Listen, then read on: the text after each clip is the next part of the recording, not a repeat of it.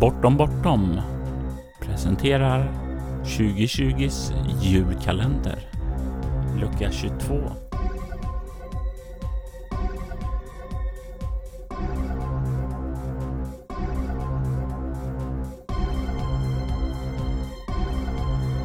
Bakgrundsmusiken i detta avsnitt gjordes av Derek and Brandon Fichter och vignettmusiken gjordes av Robert Jonsson.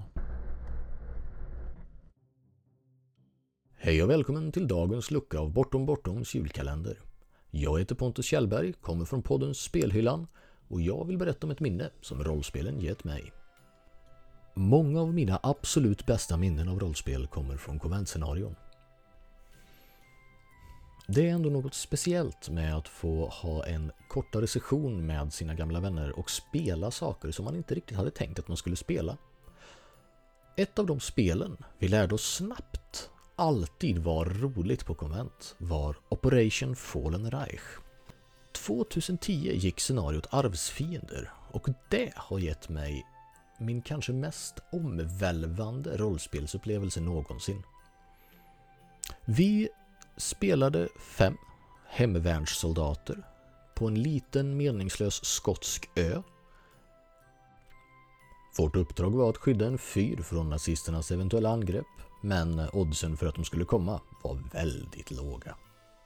Våra rollpersoner hörde nog mer hemma i en gammal pilsnerfilm, 91 Karlsson eller vad det nu kan ha varit, än vad de hörde hemma i en seriös skräckhistoria som ju ändå är det som Fallen Reich brukar leverera. Det tror jag gjorde att den skräck som kom senare under scenariot fick extra klangbotten. Det blev på något sätt ett större fall ner i mörker och ondska när man började på en så glad och lite oskyldig plats. Min rollperson var gruppens befälhavare, en sergeant som också var änka för hennes man hade dött precis efter att han hade fått sin titel som sergeant i hemvärnet. Och vad skulle hon göra som ensam änka? Ja, det var väl inte så mycket. Fixa en lösmustasch, ta sin döda mans uniform och skeppa iväg dig själv till den skotska ön där du ska vara. Funkade förvånansvärt bra. Över ett år, ingen har märkt någonting. Samma sak med en hel del andra rollpersoner. En var en brutal skrävlare, en var en ungdom som vi andra fick någon sorts föräldrakänslor för och så vidare.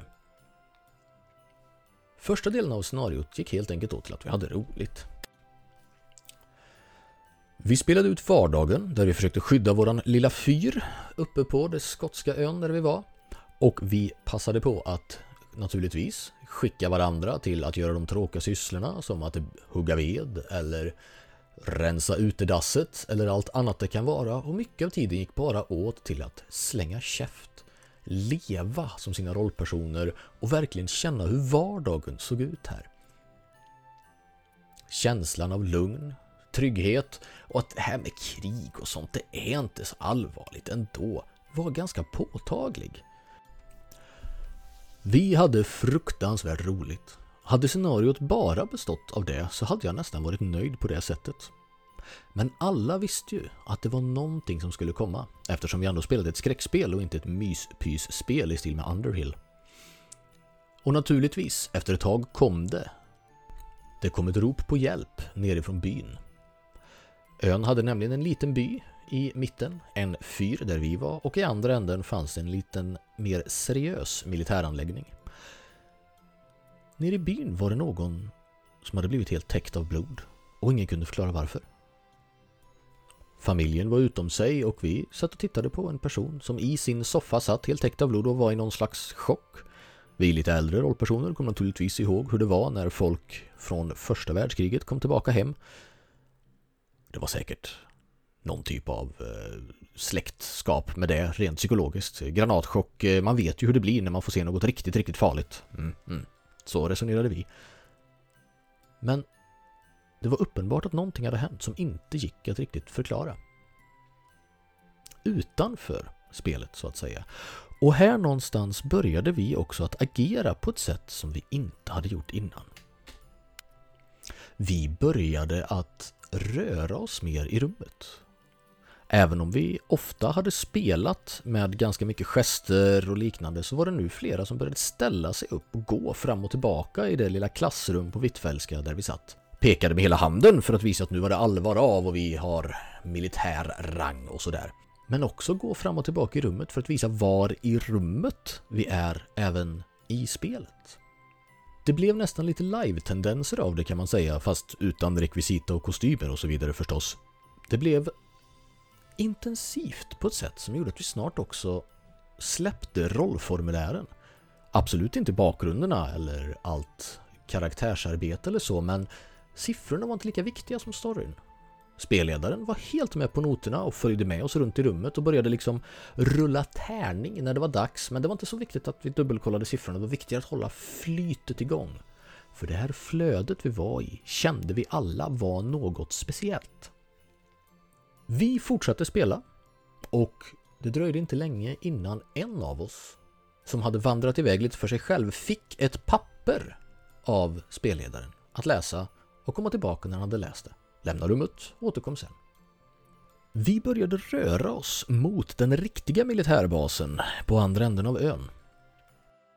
En komplicerad procedur eftersom vi hade tydligen missat skottlossning, våld, blod och ond bråd död nere i byn. Lik låg strödda runt omkring och det fanns många saker att tänka på när man var tvungen att röra sig sakta och försiktigt genom vad som kunde vara fientligt territorium. Sakta men säkert började vi också att inte bara misstänka vår kumpan utan också själva drabbas. När den andra spelaren drabbats av ett papper från spelledaren, en handout som vi andra inte ens fick fundera på, var det uppenbart att vi inte spelade ett vanligt scenario. Här någonstans började vi också släppa tärningarna helt. Vi rörde oss fritt i hela korridoren längst upp på en av Hvitfeldtskas hus. Inte bara i den sal vi var tilldelade utan vi grupperade oss i olika platser för att Ja men det är klart vi ska söka inom det här huset. Och sen ledde spelledaren in oss i nästa rum. Helt oplanerat. Det var ju ingenting där inne som signalerade att det var ett sönderskjutet hus från skotska övärlden någon gång 1944. Utan det bara kändes naturligt på något sätt och vi alla var med i det. Vi delade också upp oss i grupper, för naturligtvis var inte den första spelaren den enda som blev drabbad.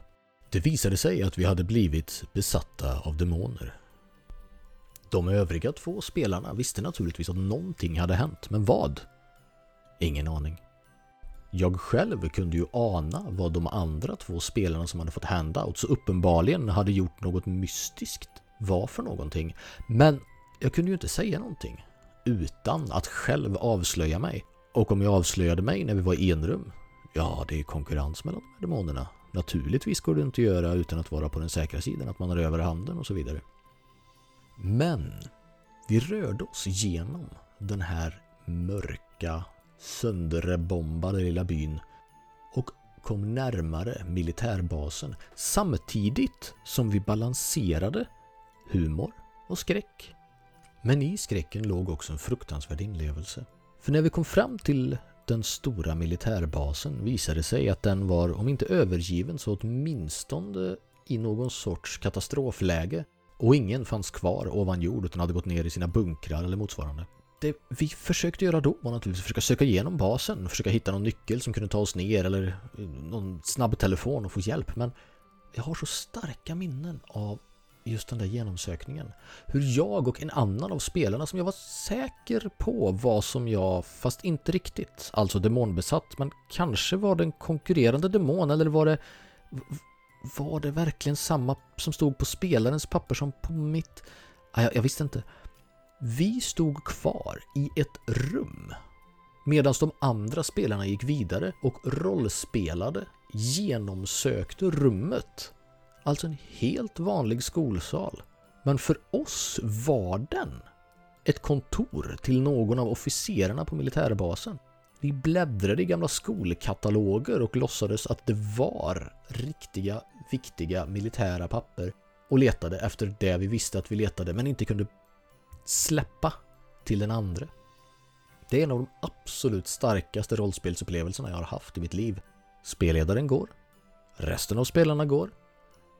Vi två vet att det inte finns någonting i det här rummet som kan ge oss information. Men vi är så inne i rollen, i inlevelsen, i stunden att vi bara inte kan släppa det. Vi fortsatte där inne i flera minuter. Trots att vi redan från början visste att det här inte skulle leda någon vart. Här någonstans var också inlevelsen så stark att vi släppte tärningen helt. Spelledaren lät oss mer eller mindre spela ut det våra karaktärer gjorde rakt av. Inga tärningar, rollformulär låg kvar i något rum vi inte riktigt var säkra på vilket det var en gång om jag ska vara ärlig. Men nu någonstans började det bli dags för slutscenen, för scenariot kretsade bland annat kring en gammal bronsstolk från långt, långt, långt tillbaka i tiden som sades vara en av få saker i världen som kunde dräpa Fallen, demoner, onda andar, vad det nu kan kallas. Naturligtvis var vi som var besatta av demoner livrädda för denna tingest. Och lika naturligtvis fanns den tillgänglig någonstans på basen och hamnade i händerna på en av dem som inte var besatt. Det ena ledde till det andra och jag minns så tydligt slutscenen för en av de besatta rollpersonerna. Spelaren låg på marken, halvt lutad mot väggen och samtidigt som jag såg liksom flanellskjortan och det orakade håret och kaffekoppen bredvid honom så var det också helt visualiserat för mitt inre öga hur rollpersonen låg på exakt samma sätt med uniformen öppen, hur blodet rann och hur han försökte spela död men inte var det. Utan sträckte sig efter nästa rollperson så han kunde besätta den istället men då kom bronsdolken fram igen förstås. Snart var vi alla döda, vi demonbesatta. Och demonerna förvisade tillbaka till helvetets mörkaste eldar. Och plötsligt var det ju bara ett helt vanligt konvent igen. Ett helt vanligt Gotcon, en helt vanlig påsk. Och att släppa den stämningen var i det närmaste omöjligt. Vi satt och pratade länge efteråt. Vi hade alla samma känsla av att något stort hade hänt. Ni vet som känslan efter att man har sett en sån där film som man känner förändrar ens liv eller äntligen läser sista sidan i just den där boken första gången. Men eftersom det var rollspel så hade ju alla fått var sin unik upplevelse utöver det vi alla visste tillsammans.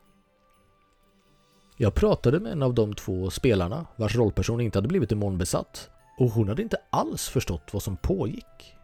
Visst hade hon förstått att det var någonting som inte var som det skulle, någonting övernaturligt som pågick, men vad? Hennes upplevelse var radikalt annorlunda än min. Trots att vi hade varit på samma plats vid samma tillfälle och sett och hört samma saker hade hon helt andra saker i minnet än vad jag hade. Det här fick mig att inse vad man kan uppleva genom rollspel som man inte kan få någon annanstans. För även om man kan sugas in i en bra bok eller ryckas med av en film eller någonting annat så är det något speciellt med rollspel. Jag har nog aldrig upplevt det lika starkt som där och då. Just det här unika som bara rollspel kan. Men även om jag aldrig har upplevt det lika starkt igen så har jag haft fruktansvärt roligt på vägen dit. Men de minnena, de får jag berätta om någon annan gång. Tack för att du har lyssnat.